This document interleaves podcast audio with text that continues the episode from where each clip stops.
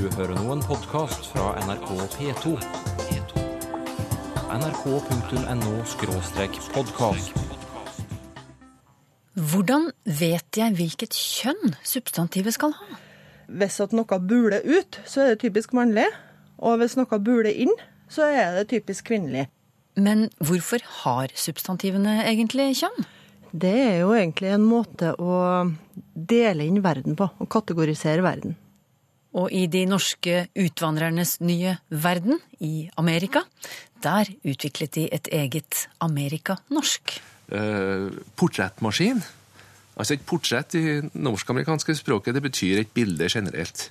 Så ei, portrettmaskin det er da et kamera. Nå tenker du fælt, Sylfest Lomheim. Ja, tenk på landsmoder Gro. Å ja, tenker du på Gro? Hun ble ofte omtalt som det var bramfri kvinne, og da Ja, det kunne vel stemme det av og til. Det er jo da feil. Feil? Nei, det må du forklare litt senere i sendingen. Ja. Vi åpner i dag med et lytterbrev. Hvorfor har substantivene kjønn, spør Martine. Hun peker på at ikke alle språk deler substantivene inn i kjønn, men slik er det jo i norsk, blant annet. Kristin Melum Eide, språkforsker ved NTNU i Trondheim, du som har grammatikk som spesialfelt, du kan vel hjelpe oss med denne her. Hvorfor har substantivene kjønn? Ja, det er det som vanlig i vitenskapen og språkforskninga, så er det jo delte meninger om det. Så noen mener jo det at eh, det er til for å klassifisere det vi ser rundt oss, i kategorier. Hvordan startet dette her? Jo, det er igjen delte meninger om, men for det første så er det klart at i, allerede i protoindoeuropeisk, eller i urgermansk, som da var et språk som er forstadiet til bl.a. norsk, der hadde vi delt inn substantivene i det som var levende, og det som ikke var levende. Og da var det slik at det som ikke var levende, det hadde intet kjønn. Og alt det andre, da, det hadde kjønn for det levende. Og det, det var en måte å forstå verden på. Ja, det er egentlig det. Men hvor gikk skillet mellom levende og ikke levende, da? Det her er det jo en hel del eh, diskusjon om, selvfølgelig. Men, eh, men det som er veldig typisk, det er hvis at noe er et stoff til konsum, ikke var delt inn, så kunne det være intet kjønn. Mens det, ting som var tellelig, det kunne være maskuline, f.eks. hannkjønn. Eksempel. Det, slik er det egentlig i norsk i dag òg. Så hvis du har øl, så heter det for ølet, med intet kjønn. Men hvis du går i baren og bestiller én øl eller to øl, så kan du passe på ølen min. Det der er ganske typisk. At så lenge at det er uh, uoppdelt og flytende så, og ikke tellelig, så er det intetkjønn. Og så med en gang at du får det i en beholder, og at du kan telle det, så er det hannkjønn eller hunnkjønn. I dette tilfellet hannkjønn, da. Mm. Men denne begynnelsen som du snakker om, hvor langt tilbake i tid skal vi? Minst 4000 år, men vi kan si en 6000 år. Det, da er forskerne ganske enige om at det her språket ble snakka da. Et språk som var et felles opphav da, for veldig mange av de europeiske språkene, som kalles for germanske språk. Og et eksempel fra den tiden på denne inndelingen i levende og ikke-levende? Det kan jo være vann, da. Vann er jo et stoff som kan være til konsum. Og så lenge at det var flytende og ikke tælelig, så er det intet kjønn. Og med en gang at det blir individuert og tælelig, så kan du, kan det få maskulinum. da, kan du få hannkjønn. Ja, Hvordan blir det med vann? I vårt tilfelle så er det hunnkjønn, ei elv. Mm. Så det er egentlig så er det slik at språk deler det inn etter mer og mindre levende. Og så setter man grenser på ulik plass. Sånn at uh, i en del språk så er det slik at uh, du har tre kjønn. Og da er det alle mannfolk er hannkjønn, og alle kvinnfolk er hunnkjønn, og alt annet er intetkjønn. Ja, For å ta dagens norsk. Ja. Vi deler jo substantivene inn i, i hannkjønn, hunnkjønn og, og intetkjønn. Og lytteren vår, som jeg viste til, Martine som hun kaller seg, hun spør hvorfor har kategoriene fått akkurat disse navnene, altså hannkjønn, hunnkjønn og intetkjønn? Hvorfor kunne vi ikke like gjerne kalt dem rød og grønn og ja, blå kanskje, eller du skjønner? Ja, det, det kunne vi godt ha gjort. Og en del språk har valgt eh, nettopp eh, den eh, måten å tilnærme seg det på. For det er ikke noe sånn naturlig måte å dele inn språket på. Sånn at en, en berømt sånn kategori som vises til i språkvitenskapen, det er fra språket dyrbal, som har en kategori som heter for balan. Og medlemmene i den kategorien, det er kvinner og ild og andre farlige ting. Men i, i vårt språk, da, i norsk, så er det sånn at det er veldig mange, mange feminine ting som har feminint kjønn. Og da er det naturlig å kalle opp klassen etter det. Og det er veldig mange maskuline ting som har uh, kjønn, grammatisk kjønn maskulinum, og da er det naturlig å kalle opp klassen etter det. Men det er ikke så like til som jeg sier nå, altså. For det, er, det har blitt slik delvis pga. sammenfall av endinger i system. Sånn at uh, noe som ligner på en feminin eh, ending, det blir tilskrevet til en feminin kategori. Mm. Et eksempel nå for å anskueliggjøre det du akkurat har sagt? Jo, jeg kan, jeg kan referere til en som har jobba mye med grammatisk kjønn i norsk. Det er en Trond Trosterud. Og han sier det at i utgangspunktet så er substantivene maskulinum i norsk. Men hvis de slutter på en trykklett e, hylle, f.eks., da er de typisk hunnkjønn. Og da er det forma som er med på å bestemme hva slags eh, klasse det her substantivet skal være med i. Og i mange tilfeller så er det sånn at man kan skylde på litt sånn feminine trekk, og så sier det at liksom, det her er naturlig at det er femininum sånn semantisk sett, og så passer det med forma at det slutter på en trykkelett E. Men i veldig mange tilfeller så er det ikke sånn. Så det er arbitrært, kaller vi det. At det er tilfeldig i hvilken klasse et gitt substantiv havner.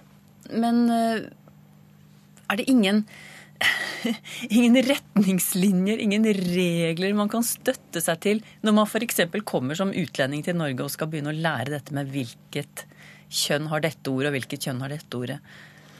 Det er forferdelig vanskelig, for i norsk så er det et blandingssystem av semantiske kategorier.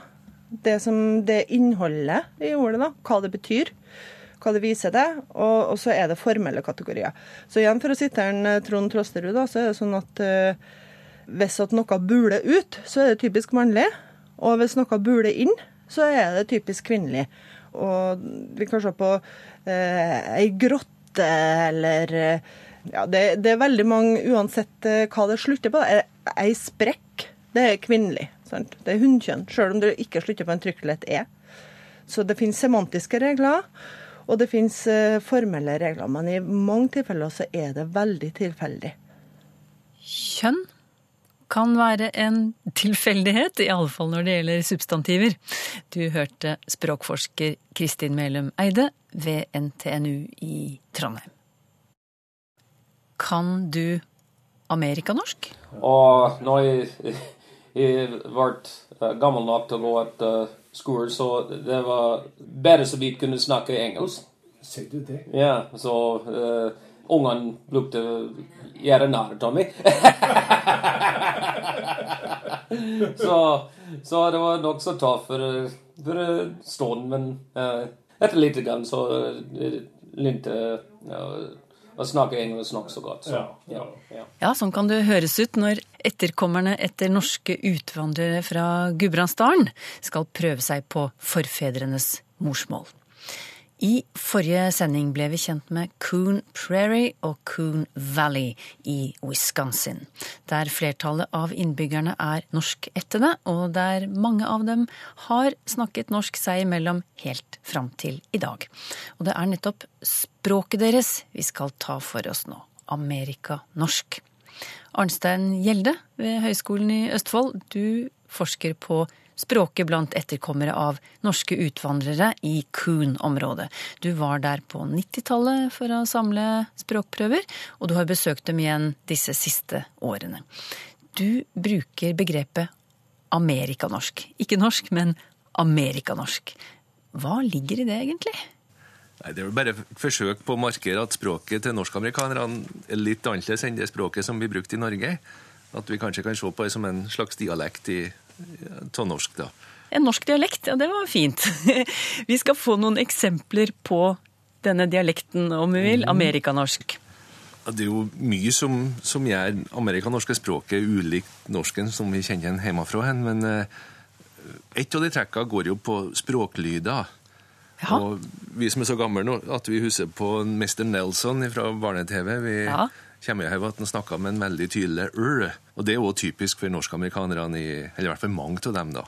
Altså, de snakker true, og de bor, og de eh, eh, fra Norge, og så videre. Ja. Jeg, jeg husker også at Mr. Nelson han hadde en tjukk L. Pernille, pleier han å si. Det har han òg. og når du nevner tjukk L, så, så har den jo hos mange da blitt en sånn øl-lyd. De snakker om å plukke, og de snakker om eh, plass, og, og ikke plukke opp plass. Så den eh, norsk-amerikanske R-en og den norsk-amerikanske tjukke L-en de har bevega seg mot hverandre, og, og for en del har det blitt samme lyden.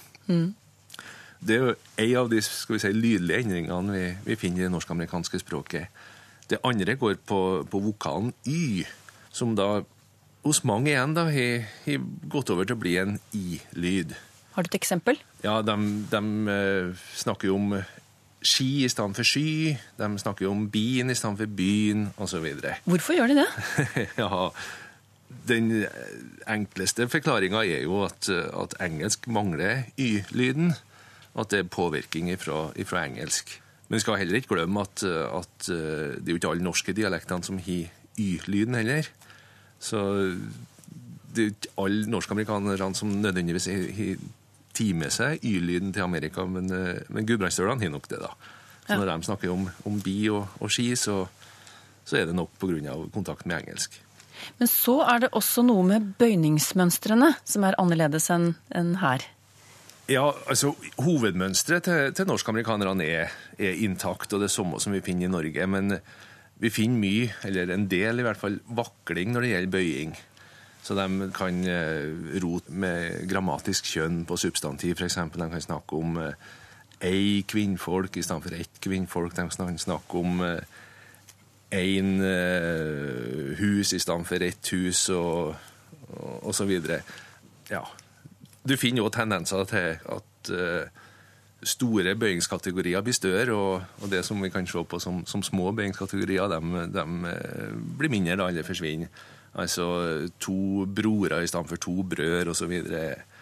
Er, vanlig å finne, men eh, det er mer uttrykk for vakling at eh, av og til så har de eh, brorer, og andre ganger kan de snakke om brødre. Vi finner òg noen eksempel på at engelsk flertallsmarkering kan brukes på, på norske ord. Altså De kan snakke om forskjellige tings, og de kan snakke om mange søskens. Og, men igjen, det, det er ikke sånn, sånn gjennomført at de gjør det hele tida, men, men av og til så kan vi finne sånne, sånne eksempel. Eh, ja, når det gjelder tings, så kan en jo også tenke på at det ordet kanskje er hele ordet er lånt. Altså at det ordet, engelske ordet 'things' som er utgangspunktet, men det, det er vanskelig å vite da.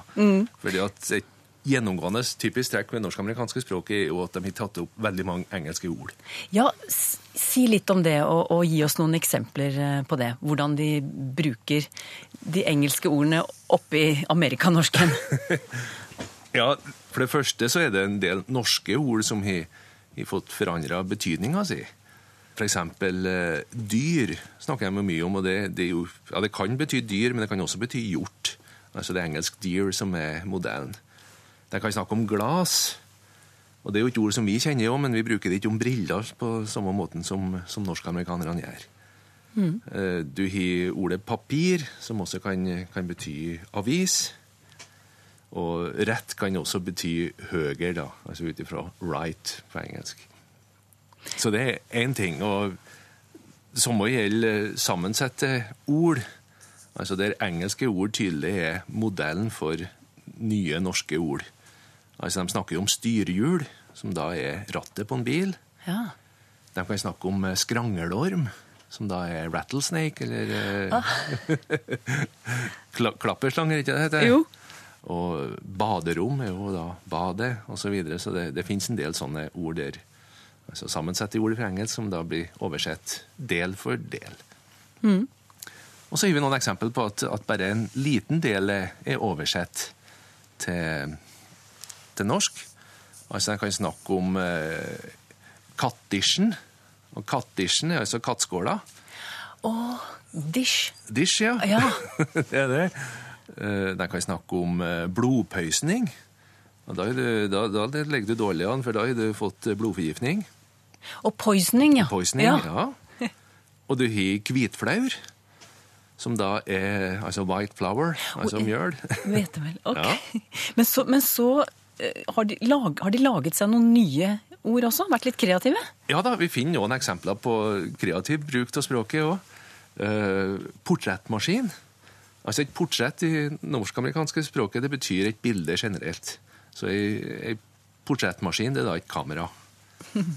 Og innenfor mer slengaktig språk så finner vi ordet kjerringknopp, som jeg aldri har hørt i Norge, som da er sukkerbit. og de snakker jo om rubbedoktor, og det er da en kiropraktor. Ja. Så vi finner en del sånne ord, men de er ikke så veldig mange. For det vanligste er at engelske ord blir tatt opp i det norsk-amerikanske språket i mer eller mindre uendra form. Så de aller fleste orda de er, de høres amerikanske ut og, og har form som, som ligner på den amerikanske. da. Du La oss høre på en lydprøve som illustrerer akkurat dette poenget. Altså at det sniker seg inn engelske ord i de norske setningene. Oi, ja, vi fisker mye øre. Jeg bruker å fiske mye øre. Første årene vi flyttet hit, så hadde vi øre til supper sikkert to-tre kvelder i uka. Hva du tar øren på? Vi bruker artifish og flugu, og så bruker vi mark. Aha, Vi digger digg mark, der det har regnet så krikken er litt lortet. Så bruker vi mark. Det gikk på engelsk og norsk, heter det i den gamle slageren, og det gjorde det her også. Men Arnstein Gjelde, hva er status nå for amerikanorsken i Kuhn-området? Status er nok at den er på tur til å forsvinne, og det er ikke noe rart i hele tatt. Det er jo kanskje mer rart at den har berga så lenge som den har gjort. Og da jeg var i, i Kun-området for 20 år siden, så kunne jeg i hvert fall i visse områder det gå fra farm til farm og møte folk som snakka norsk. Den tida er så godt som over. Så skal du finne norskamerikanere som snakker norsk i dag, så må en må lete litt. Men, de tar jo veldig godt vare på, og er veldig stolt av den norske bakgrunnen sin, den norske etnisiteten. De, når du kjører inn til byen Vestby, så er det jo skilt på norsk. Så gir de òg ei svær 17. mai-feiring. De feirer tre dager, og eh, i hvert fall fram til de siste åra har de hatt ei norsk gudstjeneste i, i kirka der. Problemet har vært å finne en prest. Og i 2005 så måtte presten gå ut i, eller den som har vært prest, da, gå ut i lokalavisa og beklage språket, for han, han var så dårlig til å snakke norsk. Og han har hatt mye hjelp, så han ønska å takke dem som har hjulpet ham med uttalen, og igjen da beklage at han, at han snakka så dårlig norsk. Nei, det er ikke så mange norskamerikanere som behersker forfedrenes morsmål lenger. Det var Arnstein Gjelde ved Høgskolen i Østfold som fortalte om amerikanorsk i Coon-området i Wisconsin. Hvileskjær og bramfri. Det er to av ordene du skal kommentere for oss i dag, Sylfest Lomheim. Men vi begynner med et spørsmål fra Øystein Vestmoen om uttrykket å takke av. Han mener det betyr å trekke seg tilbake og runde av og slutte. Men så har han hørt det brukt transitivt. Eksempel Vi skal nå takke av personen X som har vært hos oss lenge. Men det er vel personen X som takker av, spør han. Etter tradisjonell språkbruk så er det ingen tvil om at Øystein Vestmoen har rett. Å takke av er, blir brukt i tradisjonell språkbruk om den person som slutta, han takkar av. Altså, den person som slutta, kan takkar av. Eh, Så det er en tvilsam språkbruk å seia, ja, ja, ikke seia, men skrive vi skal nå takke av den person X. Men det er veldig vanlig, så jeg er tilbøyelig til å si at dette ikke er rett, men igjen blir det et spørsmål hvor strenge vi er. Den ordbruken er iallfall på full veg inn i språket. Men jeg ser ordbøkene omtaler ikke den bruken, så for å være på den sikre sida for å skrive korrekt, så bør du ikke skrive det på den måten. Bjørn Sandvold skriver til oss at han er gift med en innvandrer som har lært norsk etter alle kunstens regler, men hun sliter med journalistspråk. I dag, skriver han, lurte hun på følgende nyhetsvarsel på fjernsynet. Audun Lysbakken kan måtte møte i kontrollkomiteen. Og eh, han sier eh, dette her er en verbbruk som ikke noe språkkurs for innvandrere dekker. Er det ikke mulig å gjøre det enklere og mer forståelig? F.eks. For Audun Lysbakken må kanskje møte. Hva mener Sylfest Lomheim om sånt, sier han til slutt. Og da mener jeg at uh, denne uttrykksmåten er jo tenkbar og kanskje mulig, men Lytefri norsk er dette ikke, for her er det to såkalla modale hjelpeverb etter hverandre. Både kan og må, altså både kunne og måtte.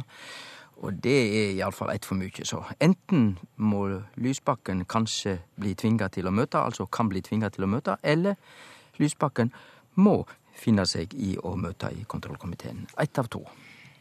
Ingeborg Klepsvik Seterdal lurer på hvordan noen ord kan gå fra å ha én betydning til å få den motsatte betydningen, og eksempelet hun trekker fram er bramfri, som til ganske nylig, skriver hun, har uh, hatt betydningen beskjeden eller fri for bram, slik det står i ordboken. Men mange bruker nå bramfri med motsatt betydning. De, det virker som om flertallet nå mener at en bramfri person er en selvsikker, frimodig person. Mm. Det er heilt rett. Det er altså historisk sett betyr bramfri å være fri for bram. Og bram betyr bråk eller lyd. Vi har det jo i brask og bram. Å komme med brask og bram, da kjem du ikkje stille. Og det er fordi at brask og bram er to ord som betyr omtrent det samme. Det er sånn velkjent i norsk langt om lenge. Brask og bram, du repeterer, sier det samme med to ord. Så det er lyd og bråk. Bramfri altså utan bråk og lyd. Og da blir det rart når eh, Ja, tenk på landsmoder Gro. Hun vart ofte omtalt som det var bramfri kvinne, og da tenker vi oss litt breibrysta og tøff og sånn. Og det er jo da feil, for bramfri betyr historisk ganske stille og forsagt. Men eh, det er så vanlig å bruke bramfri i hermetekken feil nå at det er vel et tidsspørsmål før det kanskje kjem også i ordbøkene at det kan brukes slik. Men regelen nå bør jo være at du bør være veldig forsiktig med å bruke det ordet, fordi at der vil halvparten av de som leser eller hører det ordet, misforstå. Så sånn er det. Når det gjelder at ord kan endre mening, så er det såre vanlig, til og med universelt. Ord endra meining, det skjer i alle språk og har skjedd til alle tider. Tenk bare på forskjellen på rolig i norsk og svensk. Det er jo fordi at ord har endra seg ulikt i svensk og norsk. Og innafor norsk språk så ser vi at ordet snål kan bety søt og pen og hyggelig i nokre dialekter, og pussig og rar i andre. Så at meining i orda endrar seg over tid, eller også geografisk, det er såre vanlig. Et spørsmål fra Twitter nå. Lars K. Holgersen lurer på hvor uttrykket hvileskjær kommer fra. Selv foreslår han enten skøytesporten eller skipsfart. Hva sier du, Sylfest? Skipsfarten kan vi gløyme, eh, for eh, et skjær som du hviler på er ikke så veldig bra, kanskje. Men dette er som, eh, som Lars Holgersen er inne på, det er skøytesporten. Og veldig ofte, eh, iallfall hvis en skøyteløper i gamle dager begynte å bli stiv i låra og trøtt i ryggen, så måtte han ta et hvileskjær, og som regel like før inngangen til svingen, før han begynte å skulle legge over. Så hvileskjæra var ofte på slutten av ei langside. Finnes det flere ord enn lavvo i det norske språket med dobbel V og som ikke er sammensatt. Det er Ylva Lindahl som eh, spør, og hun etterlyser også opprinnelsen til lavvo. Ja, eh, når det gjelder andre ord med to v-er etter hverandre i norsk, så er jeg temmelig sikker på at det, det fins nok iallfall i sammensette ord uten at jeg har det klar. Så det gjør det nok. Men det er jo ikke noe vanlig med to v-er etter hverandre i norsk språk. Så er det opphavet til lavvo med to v-er. Det er samisk, og det tror jeg de fleste vil tippe. Vi har jo flere ord som vi har lånt fra samisk. Forresten, lavvo betyr et lett telt. Det er ordet som blir brukt om sommertelt eh, på samisk, altså gjetartelt, når du er ute sommerstid og ser etter reinsdyra. Så det er et lett sommertelt, et gjetartelt. Det er lavvo. Men andre samiske ord, vi kan jo ta gamme, som jo er òg en samisk hustype, det er mer vinterbostad, og det er jo med en trekonstruksjon og masse never og torv som det bygger. Gamme, det er samisk. Pulk er samisk. Joik er samisk. Jentenavnet Laila er sikkert samisk. Pulk er jo en, en båtforma slede som iallfall flere av oss foreldre har brukt når vi har transportert våre små barn. Tenk deg at du på grunn av sykdom ikke kan bruke hendene, men må snakke til datamaskinen for å skrive en e-post, f.eks. Og tenk deg at maskinen bare forstår engelsk. Create new email. Andreas. Press enter. Go to subject. Hello from mom. Mouse click. Og når e-posten kommer fram, Hi, så er den altså skrevet på engelsk. Nei, det er ikke så veldig greit, for at uh, mange blir forvirret, og de skjønner ikke hvorfor jeg skriver på engelsk, og så, så tenker de at de må svare på engelsk selv, og det behøver de jo ikke gjøre, for jeg kan lese fint norsk, uh, men de tror de må gjøre det, og så er de kanskje litt motvillige mot å svare i det hele tatt. Norge henger etter i utviklingen av språktekniske hjelpemidler. Hør mer i Språkteigen om en uke.